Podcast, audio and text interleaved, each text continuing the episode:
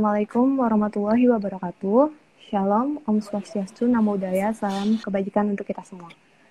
Balik lagi nih di acara kita, acara podcast biduan, bincang dengan Dewan Koordinasi Unit Kegiatan Mahasiswa, episode ke-6. Gak berasa ya kita udah episode ke-6 aja. Sebelumnya izinkan saya untuk memperkenalkan diri terlebih dahulu. Nama saya Hana Julia sebagai MC pada hari ini yang akan mengupas tentang UKM di bidang penalaran ilmiah yang sebentar lagi akan join dan uh, yang sudah hadir bersama saya tinggal satu lagi nih. Pertama, pasti pada kepo kan? Apa apa aja sih uh, yang ada di bidang penalaran ilmiah ini? Oke deh, kita lanjut dulu aja sama UKM Deman dan TMC. Sebelum mulai, saya mau sapa teman-teman live dulu nih.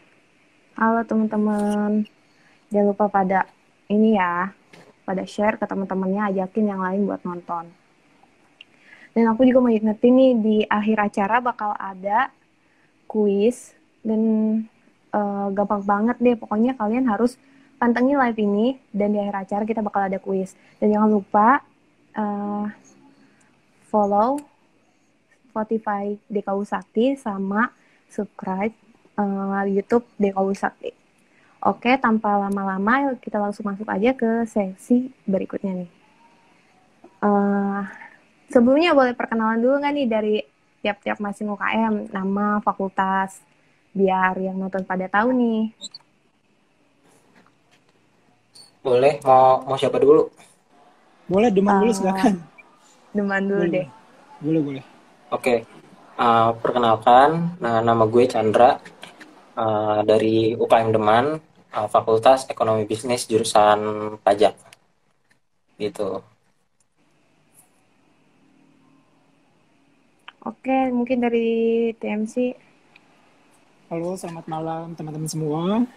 Perkenalkan nama gue Muhammad Syarul Ramadan, biasa dipanggil Syarul, gue dari Fakultas Ekonomi dan Bisnis, jurusan Manajemen 2018. Hmm. Halo Bang Canda, halo Bang Sahrul. Halo juga. Gimana puasanya lancar kan?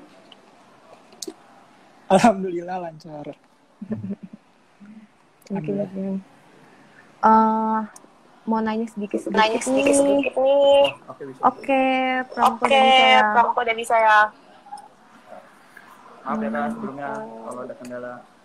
Iya nggak apa-apa. Iya nggak apa-apa. Mungkin, Mungkin sekarang dari sekarang dari Pramuka nih boleh. Pramuka nih boleh uh, kenalan uh, dulu kenalan nama dulu nama fakultas. Oke. Okay. Halo Pak Hernaji. Halo Pak Hernaji. Assalamualaikum semuanya, selamat malam teman-teman. Uh, perkenalkan, nama saya Jawa Hifridiansyah, uh, selaku Wakil Ketua dari UKM Pramuka. Sebelumnya mohon maaf karena ketuanya berhalangan hadir. Uh, saya dari angkatan 2018 uh, dari Fakultas Ekonomi dan Bisnis jurusan D3 Keuangan dan Perbankan. Salam kenal semuanya. Salam kenal, Bang. Salam kenal, Bang. Oh, oh tanpa lama-lama nih kita tanpa lama-lama nih kita bakal bakal ke pertanyaan pertama. Bakal ke pertanyaan pertama. Yang pertama, yang pertama uh, uh, boleh jelasin profil Boleh jelasin profil UKM-nya enggak tuh? Double voice Hana. Double voice Hana. Dari siapa dulu? Mungkin dari mungkin hmm, dari um, Deman boleh. Deman boleh. Oke, oke, oke. Perkenalan perkenalan dengan ya. Jadi, jadi deman itu, deman itu apa sih? Apa sih tujuannya? Tujuannya. Jadi deman tuh jadi deman tuh UKM yang yang tujuannya adalah tindakan tindakan dalam dalam pencegahan narkotika. Ini double voice. Ini ya? double voice ya. Uh, mungkin boleh uh, mungkin boleh dari Deman atau dari Deman atau Bang Riza nih belum Bang Riza nih belum pakai earphone kayaknya jadi pakai earphone voice. kayaknya jadi double voice. Oke oke oke. Oke bentar ya teman-teman. Bentar ya teman-teman. Malum namanya Malum, juga online. Namanya juga online. Halo Pak Catur. Halo Pak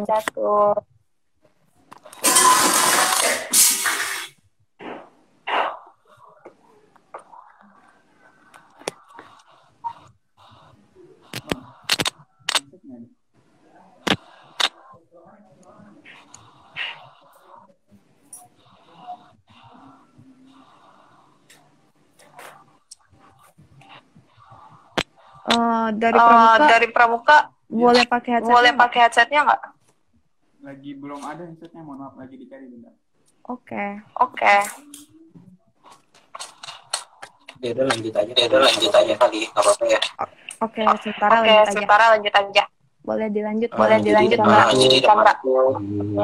yang fokus aja lah tindakan aja lah tindakan preventif dalam narkotika diteliti awalnya dulu awalnya dulu kita di bagian mahasiswa mahasiswa dari 2004 dari 2004 dari 2011 2011 akhirnya jadi UKM nah nah mungkin dari mungkin dari kampus juga merasa perlu ada dari mahasiswa dari mahasiswa yang, yang membantu membantu dalam tindakan pencegahan pencegahan karena dari dasar dasar hukum kami dari ini ada di ada di sektor bahwa bahwa tegas melawan segala bentuk penggunaan atau penggunaan atau menggunakan penggunaan mengedarkan dan sebagainya. dan sebagainya. Jadi kira-kira itu demam kira-kira itu demam dan yang bersangkutan bersangkutan melakukan tindakan tindakan tindakan dari saksi dalam berbagai bentuk berbagai bentuk bisa mading mading tulisan tulisan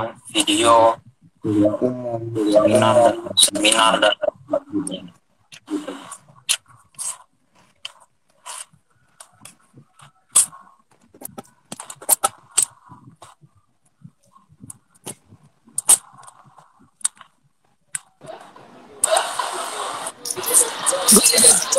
Maaf gak ada suaranya. maaf gak ada suaranya oh ya mohon maaf Oh ya. mohon maaf tadi Mohon saya maaf, mohon maaf. Tadi saya mute.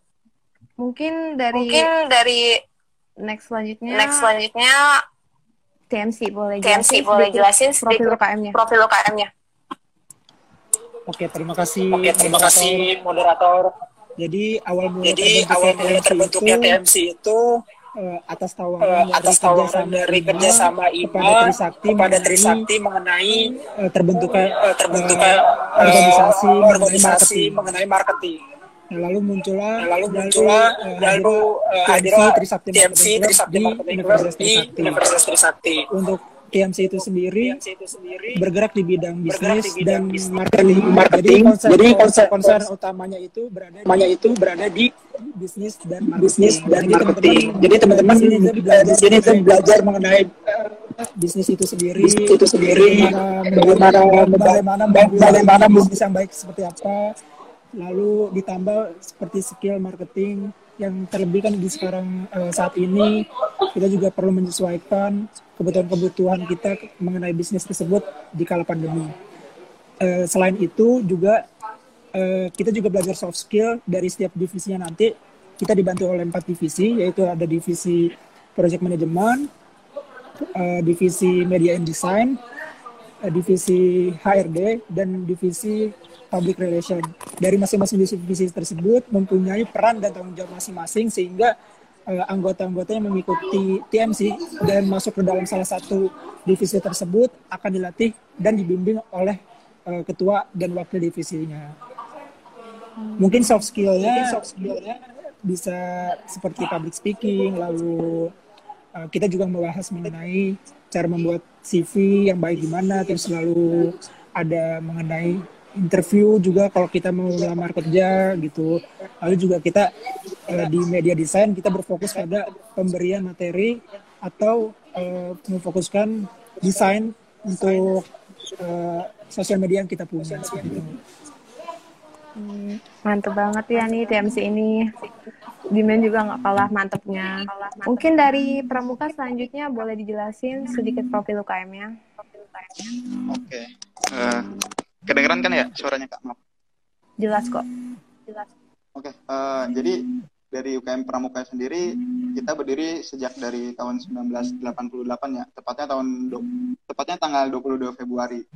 Eh, jadi itu dulu dari kakak-kakak senior kita atau alumni-alumni eh, Pramuka itu membentuk sebuah eh, gugus depan gitu loh. Eh, di mana eh, gerakan Pramuka ini eh, mempunyai surat keputusan dari kuartir cabang Gerakan Pramuka di Jakarta Barat eh, tentang pelantikan dan pengukuhan para pembina gugus depan tersebut gitu. Nah, Pramuka ini juga Pramuka Trisakti juga berpangkalan di kampus A Usakti eh, dengan kepu- keputusan surat tersebut. Nah kemudian eh, sampai saat ini kegiatan atau profil UKM Pramuka Trisakti sendiri eh, memiliki banyak kegiatan dan agenda sih ya tentunya. Eh, ya sebenarnya ada begitu perbedaan gitu dari pramuka universitas dengan pramuka-pramuka yang ada di eh, tingkatan sekolah. Ini menurut saya pribadi eh, kenapa sih sangat berbeda gitu. Eh, pasalah eh, pramuka tingkatan universitas ini eh, tidak hanya mempelajari tentang apa itu baris berbaris, mapur ataupun sandi morse dan lain-lain seperti itu. Jadi sangat berbeda eh, bahwa pramuka di tingkatan universitas adalah lebih mengembangkan potensi diri kita gitu loh untuk mengembangkan soft skill kita. Pada dasarnya kan gerakan pramuka ini adalah gerakan sosial gitu bagi pemuda-pemuda yang ada di Indonesia.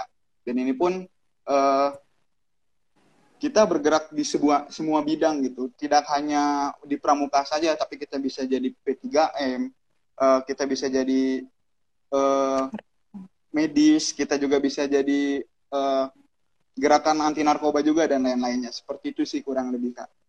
multi talent ya jadi Ya kurang lebih seperti itu dari pramuka. Hmm, keren-keren nih semuanya UKM-nya. Mungkin ke kita langsung ke next pertanyaan selanjutnya ya. Hmm, boleh kalian sebutin gak sih apa aja prestasi UKM yang udah kalian raih? Mungkin bisa dari TMC dulu. Oke, untuk UKM TMC itu sendiri prestasi mungkin bisa dikatakan udah terlalu lama ya ini apa prestasi yang didapat. Jadi waktu itu pernah memenangi eh, apa namanya salah satu sayembara dari Grab yaitu juara satu pengguna eh, aplikasi Grab terbanyak dari mahasiswa. Waktu itu pernah dapat eh, hadiah dari Grab.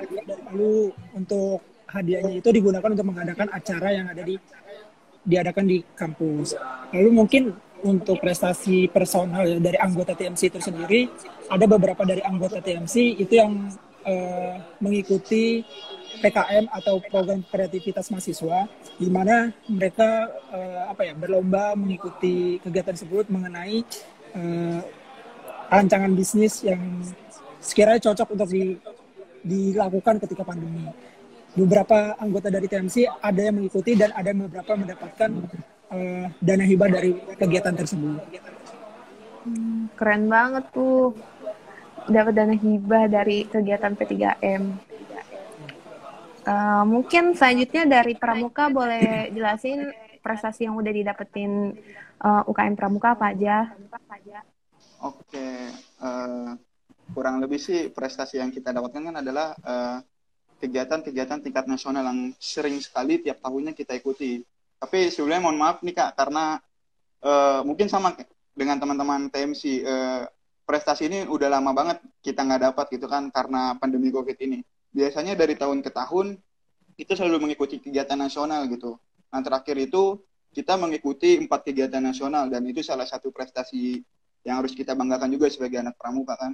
Eh, terakhir pada tahun 2019 kita mengikuti Lapgapnas. Jadi Lapgapnas itu adalah eh, latihan gabungan nasional eh, di mana ini adalah tingkat perguruan tinggi pramuka se-Indonesia gitu. Waktu itu pada pada tahun 2019 eh, dengan seputar kegiatannya eh, biasanya tuh kita melakukan pelatihan-pelatihan kayak bencana ataupun survival baik di hutan ataupun pegunungan.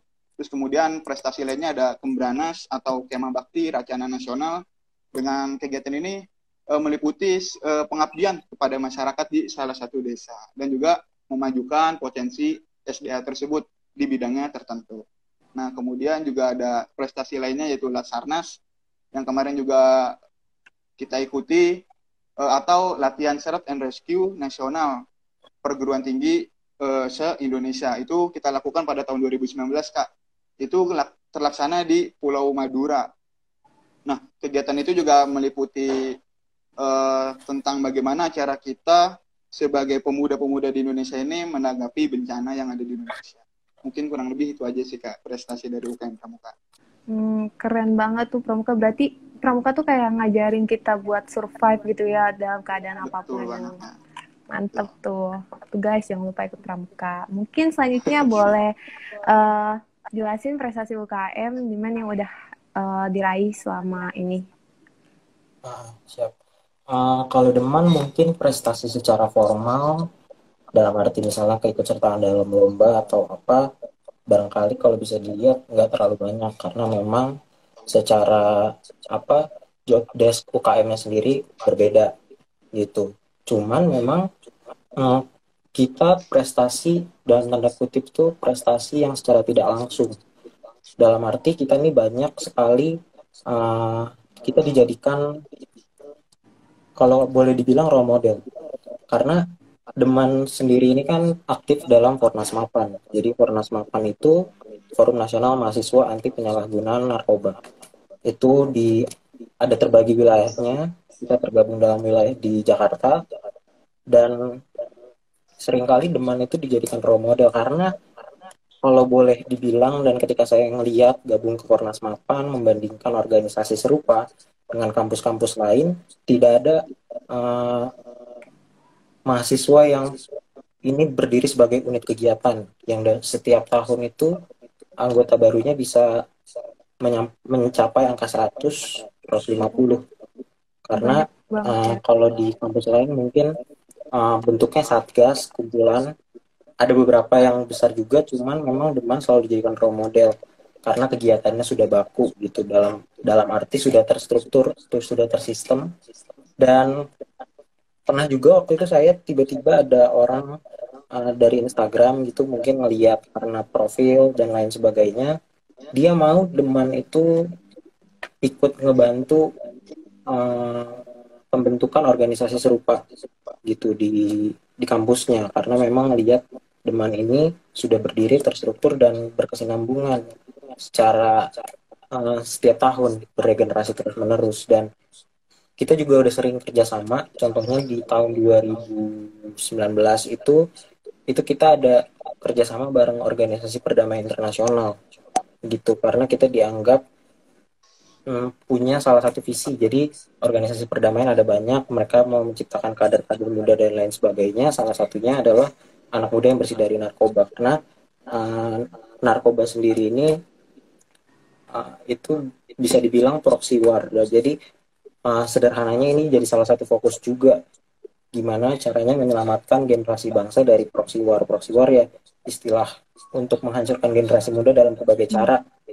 Gitu tapi dan narkoba salah satunya gitu jadi uh, secara informal banyak sekali proses yang kita dapatkan karena bisa dibilang kita jadi jadi salah satu role model juga kampus yang memiliki organisasi apalagi tingkatnya UKM gitu. Maksudnya bukan satgas bukan satgas atau apa. Ini unit kegiatan yang um, secara nggak langsung ini membantu teman-teman yang ada di dalamnya juga ikut uh, bertumbuh gitu. Cuman nih uh, terakhir nih kita lagi ada ikut lomba uh, short movie dari BNN uh, doain aja bisa menang.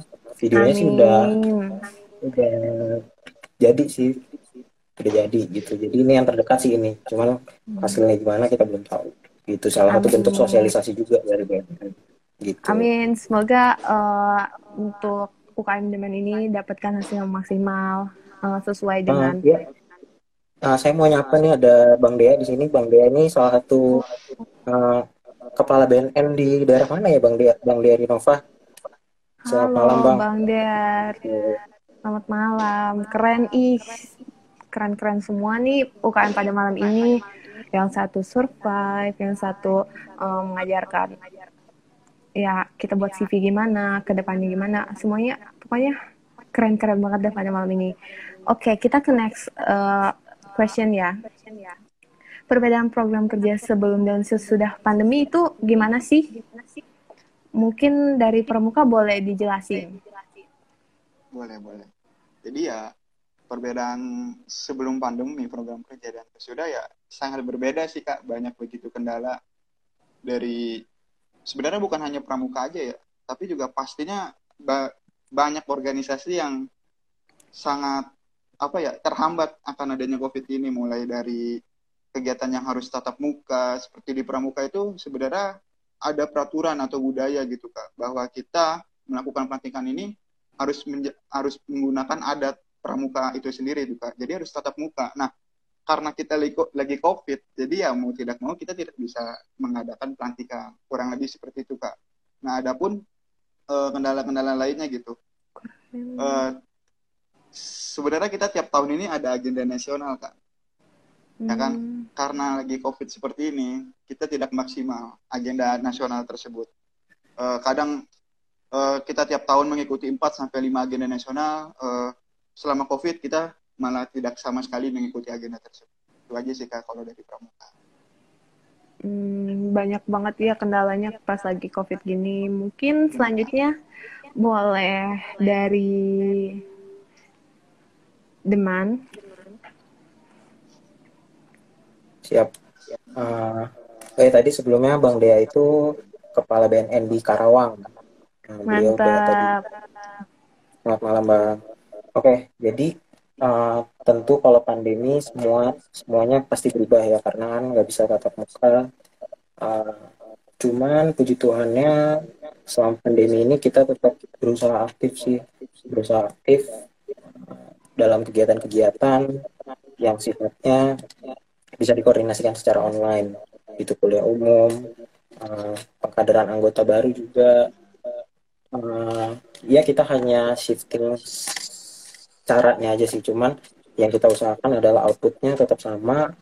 Hmm, bisa karena memang saya yakinnya juga ke depannya um, koordinasi ini bisa memang lebih efisien secara online. Mungkin memang benar-benar akan ada new normal gitu. Jadi memang harus beradaptasi dan uh, kegiatan-kegiatan UKM Deman juga uh, akan beradaptasi sih gitu cuman uh, kendala mungkin di awal karena ya kaget komunikasi dan lain sebagainya cuman makin ke sini sudah makin beradaptasi ya dan semoga ke depannya bisa kalau udah situasi membaik kita bisa juga semakin tetap efektif lah gitu Amin. Semoga pandemi sekarang nih cepat-cepat kelar deh. Eh, pokoknya kalian nih kan nih udah mende- mendekati lebaran nih, jangan mudik dulu biar pandemi cepat kelar. Tetap di rumah aja, patuhi protokol kesehatan. Mungkin selanjutnya boleh dari TMC eh, jelasin perbedaan program kerja sebelum dan sesudah pandemi. Oke, untuk perbedaan program kerja dari sebelum dan sesudah pandemi itu memang sebenarnya tidak terlalu eh, apa terlalu beda ya karena eh, untuk kegiatan TMC itu sendiri bisa dimasukkan ke dalam kegiatan secara virtual itu hanya prosedurnya saja mungkin karena kita kan karena lagi pandemi semua harus disesuaikan apa mengenai eh, cara pelaksanaannya cara eh, cara membuat kegiatan seperti apa cara komunikasi segala macam mungkin yang menjadi perbedaan seperti itu. Untuk proker yang membedakannya adalah mungkin kita di sini lebih memfokuskan dalam kegiatan atau me- menggunakan platform online. Seperti sosial media kita yang kita gunakan, lalu kita menggunakan platform eh, Zoom atau Jimmy yang lainnya. Lalu itu juga kita eh, apa ya masih menyesuaikan juga karena tentunya ini kan hal yang baru untuk kita. Apalagi apalagi terlebih waktu itu eh, di awal di awal kepengurusan kita kan juga masih menyesu- menyesuaikan mengenai eh, apa namanya cara penggunaan platform online yang benar seperti apa lalu cara efektifnya seperti apa gitu untuk proker sesudah eh, saat pandemi seperti ini mungkin kita lebih fokusnya kita di sosial media ya jadi teman-teman yang punya sosial media, kita bisa membantu dalam hal mungkin pemberian konten di Instagramnya. Lalu kita juga bekerja sama dengan beberapa instansi yang di mana salah satu eh, persyaratannya mungkin dari instansi tersebut kita harus mem- memposting atau men-share apa gitu. Mungkin perbedaannya seperti itu. Hmm, Oke, eh, next ya. Apa sih yang kalian rasain eh, kendalanya pada saat pandemi ini? Eh, mungkin dari Deman boleh dijelasin uh, kalau kendala sih lebih ke komunikasi ya.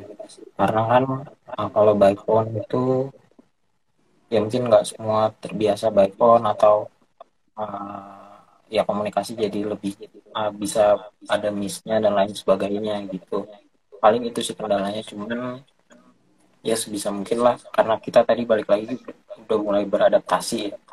Mulai beradaptasi gitu atau mungkin uh, ya itu sih lebih ke adaptasi aja di awal Hmm, Gitu. Oke, next dari TMC.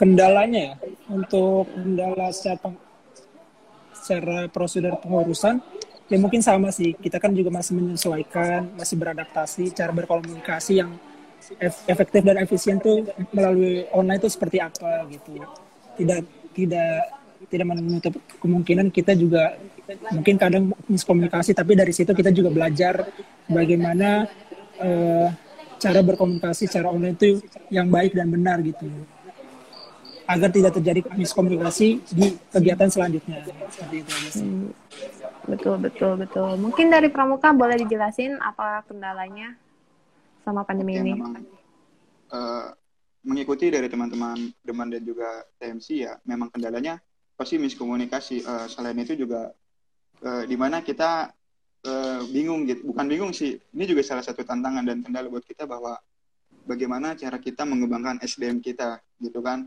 Eh, membentuk jiwa-jiwa kaderisasi yang bertanggung jawab selama COVID gitu kan. Karena kan kalau kita hanya online eh, membagi ilmu kita atau membentuk sebuah karakter SDM itu tersebut dengan secara online kan tidak maksimal. Mungkin itu aja sih dari kendala yang saya pahami selama COVID ini. Hmm. Mungkin dari gue sendiri ngerasa mungkin Pramuka juga kayak kegiatan di lapangan juga jadi terhambat gitu ya. Banget kak, banget. Eh, secara eh, Pramuka itu paling sering turun ke lapangan. Eh, Betul. mungkin demand sama TMC lebih ke kayak lebih membuat acara, webinar-webinar seperti itu, penyuluhan. Hmm. Oke, kita ke next question. Target yang tertunda selama pandemi ini sih apa aja? Mungkin boleh dikasih tahu dari TMC terlebih dahulu. Oke, untuk target TMC itu sendi- sendiri, sebenarnya kita ada salah satu program kerja yaitu namanya Visit Company ya. Di mana salah satu proker itu kan menurut saya pribadi itu adalah proker yang apa ya, eye-catchingnya TMC itu sendiri gitu. Kita mengunjungi salah satu perusahaan yang mungkin menjadi salah satu tujuan kita. Kalau sebelumnya memang kita sudah pernah mengontak eh, PT Gojek. Jadi waktu itu sudah saling menyurat-menyurat. Kita juga saling tektokan mengenai eh, apa namanya prosedur untuk kegiatan visit company itu. Cuman balik lagi karena kenda- eh, karena kend- kendala pandemi, jadi itu semua terlambat. Jadi program kerja mengenai visit company itu ya bisa dikatakan dibatalkan seperti itu. Hmm, keren banget ya. Mungkin eh, next mungkin kalau udah pandemi kelar insya Allah mungkin bakal tercapai. Mungkin Amin, lebih amin. bakal dari itu. Buat buat semua UKM ya, bukan cuma TMC. Eh, mungkin next dari eh, Pramuka boleh dituin. Oke, eh, untuk target yang tertunda ya kayak. Eh, jadi sebelumnya eh, Pramuka itu pas tahun 2019 ke 2020 sudah mempersiapkan suatu agenda nasional gitu yang mana Pramuka ini eh, Pramuka Trisakti ini menjadi tuan rumah gitu Kak. Jadi agendanya adalah kita membentuk latihan SAR nasional gitu yang bertempat di eh, Pulau Seribu. Sebenarnya kita juga sudah menghubungi gitu Kak, sudah ada progres lebih lanjut mengenai kegiatan tersebut. Tapi ya karena itu tadi eh, COVID pun datang, kita susah menyesuaikan bagaimana eh, mengendalikan SDM SDM yang kita punya gitu Kak. Itu aja sih Kak kalau dari Pramuka. Eh, mungkin dari Deman boleh kasih tahu target apa yang tertunda selama pandemi ini. Ah, jadi ini lebih ke periode sebelumnya sih karena kan pandemi itu udah setahun ya. Jadi ya, bahkan sampai sekarang ketunda itu kita mau kunjungan ah, ke panti rehabilitasi gitu. Kita mau itu pertama terus ada juga sebenarnya sempat ada rencana tuh mau pelatihan pelatihan. Lebih ke kaderisasi lah bareng BNN gitu. Cuman karena waktu itu ah, tahun lalu covid ya jadi belum terfollow up lagi sih gitu Hmm, banyak eh, target-target yang besar yang ketunda karena pandemi gini ya. Iya benar Kak. Mm-mm. cuman mungkin uh, balik ke karakteristik UKM masing-masing kali ya. Kalau Iya. Deman mungkin nggak nggak terlalu banyak karena memang fokus utamanya bisa dengan mudah dilakukan secara online. Kalau pramuka mungkin kan banyak kegiatan lapangan karena emang sifatnya ya pramuka gitu. Hmm. Mungkin kalau TMC hampir sama kali ya kayak Deman, mungkin Iya. nggak terlalu banyak Benar. kegiatan maksudnya dalam arti bisa di uh, agak lebih mudah lah ke online. Saya malah kemudian suka kepikiran yang olahraga dan lain sebagainya kan Benar, ya yang olahraga nih benar-benar eh, ketunda dan stuck Iya. ya. Harus benar-benar Hmm. putar otak. Mungkin untuk Iya. penalaran ilmiah ini eh, banyak opsi karena dari segi karakteristik UKM tersebut kan ya. Mm-mm. Lebih Oke. banyak opsi sih kita. Mm-mm. Kita next question nih. Eh, perencanaan ke depan UKM dari tiap-tiap eh, UKM apa aja nih? Boleh dari siapa dulu deh yang mau ngomong duluan. TMC kali boleh ya? Boleh banget. Jadi untuk target ke depannya untuk TMC itu sendiri harapannya ya, sebenarnya semoga misalnya ntar sudah berganti kepengurusan, di mana kepengurusan ini pastinya intinya lebih baik daripada kepengurusan sebelumnya. Dan diharapkan eh, untuk apa namanya untuk pengurus yang baru nanti ya membawa TMC tentunya yang mengarah ke, ke arah yang lebih baik. Untuk dari segi program kerja itu sendiri mungkin kalau misalnya ya, kalau misalnya eh, ya mudah-mudahan udah nggak ada pandemi sih. Tapi kalau misalnya udah masih ada pun yang membuat kegiatan ataupun membuat pelatihan yang mungkin bisa disesuaikan dengan kegiatan secara offline juga. Walaupun memang pandemi ini kan eh, menghambat kita ya untuk berkegiatan di luar eh, secara offline. Cuman dengan adanya penyesuaian mungkin mengenai protokol kesehatan yang kita harus patuhi, mungkin menurut saya itu pribadi kita masih bisa laksanain gitu dengan mematuhi protokol kesehatan itu. Jadi harapannya tidak hanya melakukan kegiatan secara online saja, tetapi bisa direalisasikan secara offline juga. Amin. Oke, mungkin dari next eh, Deman boleh jelasin. Eh, kalau ke depannya sosial media sih kita karena kan eh, balik lagi kita ini sebenarnya tugasnya sosialisasi dan sosialisasi bagaimana yang makin relevan ke depannya. Itu sih target kita terus. Dan eh, puji Tuhannya sih udah udah jalan yang luar biasa. Maksudnya kepeng- kepengurusan Deman yang sekarang udah mulai malah sosial media udah luar biasa sih. Itu kalau eh, di Instagram dan lain sebagainya. Ah gitu. Oke, dari Pramuka boleh dijelasin?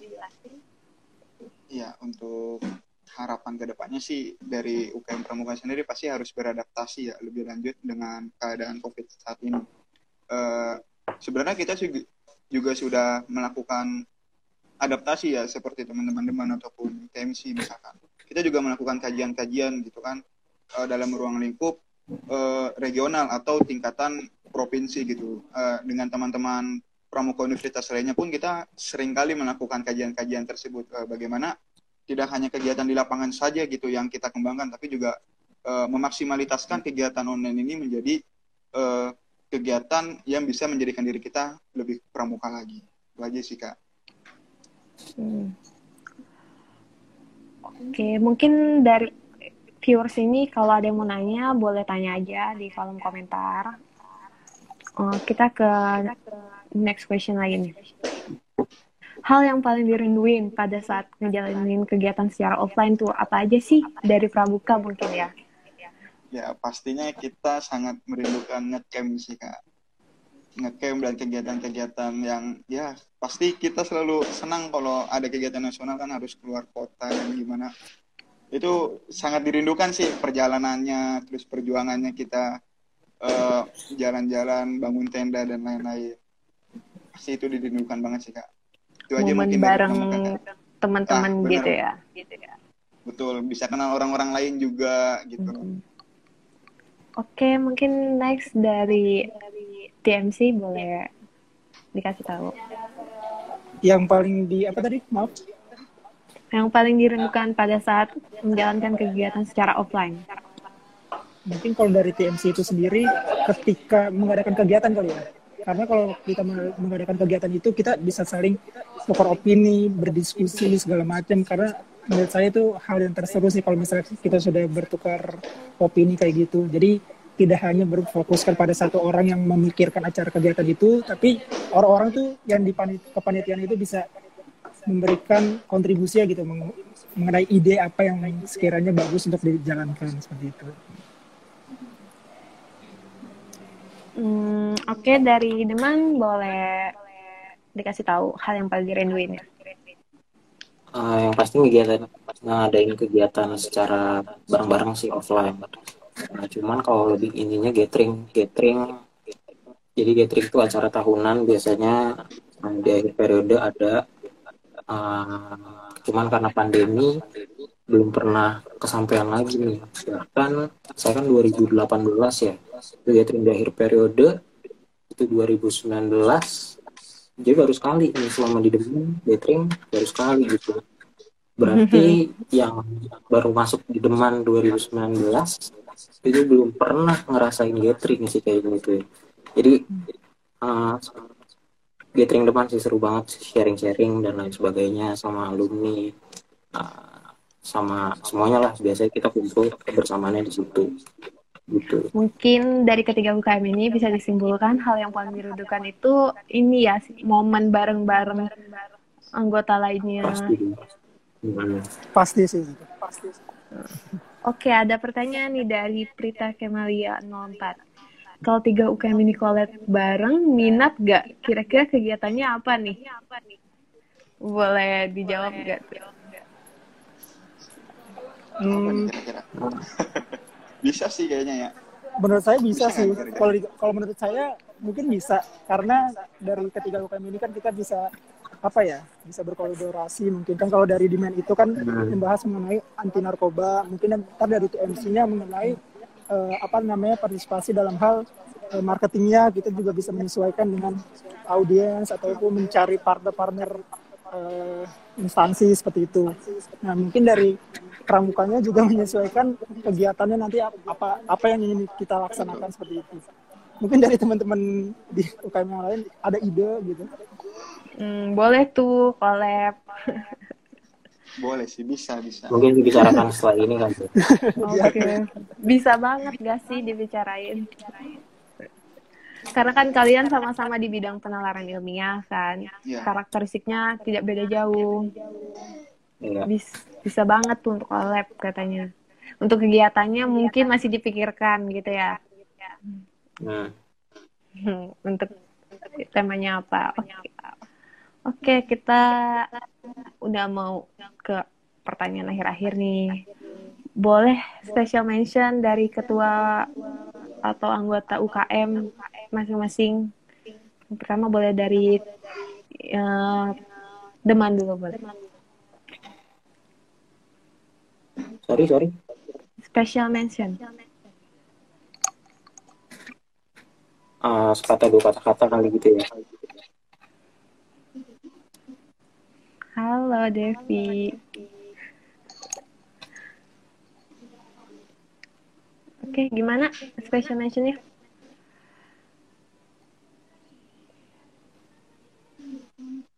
Halo Halo. Tes. Ya. Kedengeran kan? Oke, mungkin dari Pramuka dulu boleh dimulai special mention-nya gimana?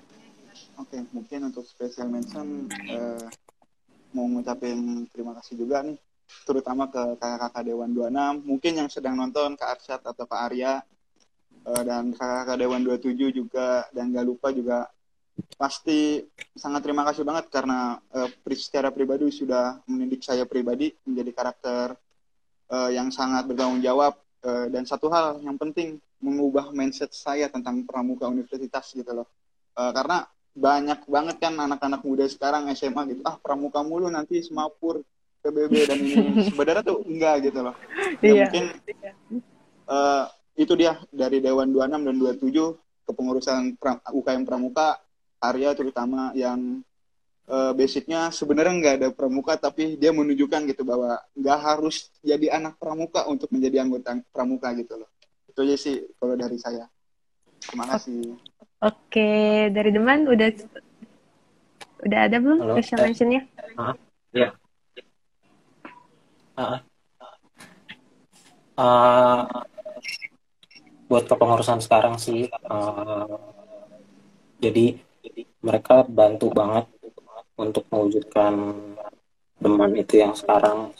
Kalau dilihat di sosial media dan lain sebagainya hmm, dulu mungkin saya cuma punya gambaran kasar mengenai itu cuman ah, mereka bantu wujudin sih sama ide-idenya yang kreatif keren-keren gitu sama ya itu sih lebih ke kepengurusan yang sekarang Oke, mungkin dari TMC ada special mention buat eh,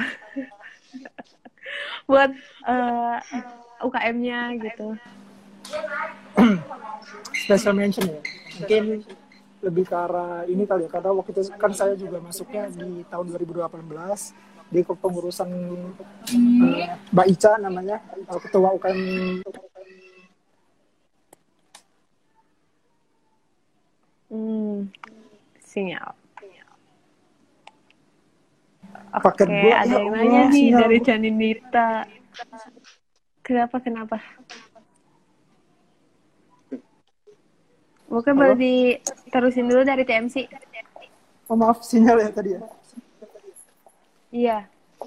Oke, mungkin kalau special mention saya lebih ke arah ini kali ya ke pengurusan pada tahun 2018 karena waktu itu kan saya juga pertama kali mengikuti UKM TNC ini eh, dari ketuanya namanya Mbak Ica dari kepengurusan pertama itu saya belajar banyak sih mengenai kerjasama tim cara komunikasi cara mengontrol emosi kita ketika eh, kita ada perbedaan pendapat dari sama teman kita gitu.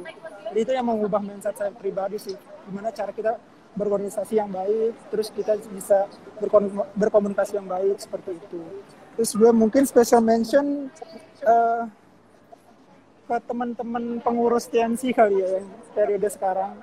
Terima kasih sudah eh, sampai saat ini loyal dan mungkin bisa dikatakan apa ya mau masih mau bekerja sama dengan baik sampai dengan saat ini seperti itu. Oke, Eh, mungkin eh, boleh dipromosi nih. Tiap-tiap UKM masing-masing boleh dari Deman dulu. oke. Sosial media ya. Jadi eh, buat teman-teman yang menonton yang mungkin nanti bakal dengerin juga eh, sosial media kita eh, Deman underscore Trisakti sebenarnya kita juga punya banyak ada di Twitter sama namanya eh, di TikTok cuman mungkin TikTok belum terlalu efektif ya. YouTube eh, biasanya kuliah umum kuliah umum atau kegiatan-kegiatan kita juga sering kita live terus ke simpen di akun YouTube. Itu keren sih. Nah, terutama Instagram sih karena mungkin karena sifatnya lebih apa ya lebih mudah kali ya dibuat maksudnya gambar dan lain sebagainya banyak edukasi-edukasi di sana itu paling ya paling keren sih Instagram kita Mantap deh. Oke, dari dari Pramuka bisa dipromosiin UKM-nya. Oke, untuk dari Pramuka sendiri mungkin mengikuti Deman ke media sosial bisa teman-teman bisa memfollow IG Pramuka Trisakti dan juga selebihnya juga bisa menghubungi menghubungi saya atau eh, teman-teman struktural lainnya yang nanti juga eh, akan ditaruh di bio UKM Pramuka Trisakti mungkin ya Eh, juga UKM Pramuka Trisakti juga masih membuka open recruitment kok Eh, bagi teman-teman mahasiswa angkatan 20 ataupun 19 yang ingin bergabung ke Pramuka Trisakti. Itu aja sih. Dari TMC mungkin Boleh, boleh. Untuk TMC mungkin teman-teman yang pendengar Spotify-nya DKU, mungkin pendengar juga live IG-nya dari DKU itu sendiri, bagi eh, bagi yang berminat mengenai eh, bidang marketing, bidang bisnis ataupun meningkatkan soft skill soft skill yang berkaitan nanti yang ber- eh, apa namanya berhubungan dengan dunia kerja bisa banget langsung cek Instagramnya di TMC underscore Trisakti. Mungkin di situ kita juga bakal ngulas sedikit-sedikit mengenai konten tentang bisnis itu sendiri ataupun uh, di bidang marketing. Dan mungkin kalau ada yang mau ditanya-tanya bisa di DM. Dan kalau kita lihat ada DM kita langsung reply seperti itu. Oke, dikit lagi kita di penghujung acara. Mungkin eh, boleh dari tiap-tiap UKM kasih closing statement untuk acara ini.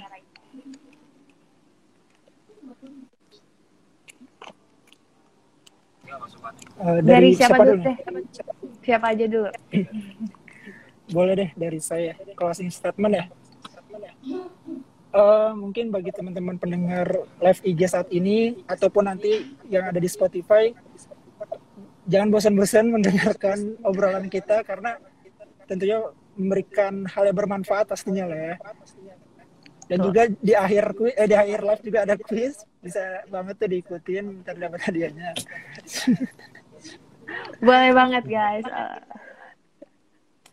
Oke, mungkin dari nextnya. Pramuka. Oke, eh, pramuka. Oke. Oke, pramuka. Boleh, boleh Pramuka deh. dulu. silakan, silakan. Dari Deman nggak apa-apa. Oke oke. Ah, jadi mungkin gue mau pilih Deman. Ah, jadi di Deman itu selalu ah, selalu menghimbau biar teman-temanku ah, bebas dari pergaulan yang negatif dan caranya nggak selalu semerta-merta ada cara formal dan lain sebagainya. Ikut kegiatan positif, ah, bergaul sama teman-teman yang positif, ikut kegiatan mahasiswa apa pun itu, olahraga dan lain sebagainya karena itu yang akan menyokong uh, teman-teman semua yang nanti untuk mendapat lingkungan yang positif. Karena kita percaya selalu uh, hal yang buruk itu kan berawal dari lingkungan begitu pun hal yang baik gitu. Jadi cari lingkungan yang baik uh, di kampus ada UKM-UKM yang positif yang bisa menyokong lingkungan itu sih. Itu dari saya. Terima kasih. Oke. Mungkin dari dari saya eh, closing statement ya eh, sedikit promosi juga sih ya bagi teman-teman yang masih join nama kita nih Eh, untuk pramuka sendiri sih ya diubahlah mindsetnya teman-teman gitu. Bahwa pramuka ini adalah organisasi yang sangat bermanfaat sih ya bagi kita gitu pribadi. Karena tidak hanya berdiri di satu bidang aja tapi di segala bidang gitu loh. Juga bisa membuka peluang kita gitu secara pribadi berprestasi di dalam di berbagai bentuk prestasi gitu. Kalian bisa jadi polisi entah bisa jadi tentara bisa jadi tim medis eh, bahkan bisa masuk hal-hal lainnya gitu yang kalian inginkan gitu loh jadi eh, jangan eh, jangan berpatokan bahwa pramuka ini gitu-gitu aja gitu kalian bisa jadi apa pun yang kalian ingin gitu loh kalau di pramuka mungkin itu aja sih kak kalau dari saya Oke. Jadi Dita nih ngelawak terus. Karena kita udah di penghujung acara, mungkin uh, closing statement dari gue, kalian semua yang mau ikut UKM uh, di bidang penalaran ilmiah, boleh uh, DM IG-nya masing-masing. Dan dari kami sendiri, jangan lupa follow, subscribe, dan komen YouTube dan Spotify DKU Sakti. Uh, dan aku juga mau ingetin sekali lagi nih, uh, kalau acara biduan ini akan ada setiap hari Jumat uh, jam 8 malam dan jangan lupa ikutin kuisnya. Berhubung waktunya udah mau habis, saya selaku MC pamit undur diri dan jangan lupa kesehatan, jaga kesehatan, tetap patuhi protokol kesehatan. Karena kita udah mau lebaran nih, eh, dari DKU dan segenap UKM semuanya mengucapkan eh, mohon maaf lahir batin. Selamat raya hari, hari raya Idul Fitri. Saya Hana Julia pamit undur diri. Kurang lebihnya mohon maaf. Wassalamualaikum warahmatullahi wabarakatuh. Shalom, Om Swastiastu, Namo Buddhaya, salam kebajikan. Terima kasih ya teman-teman. terima kasih juga. terima kasih selamat malam semuanya Terima kasih Malam.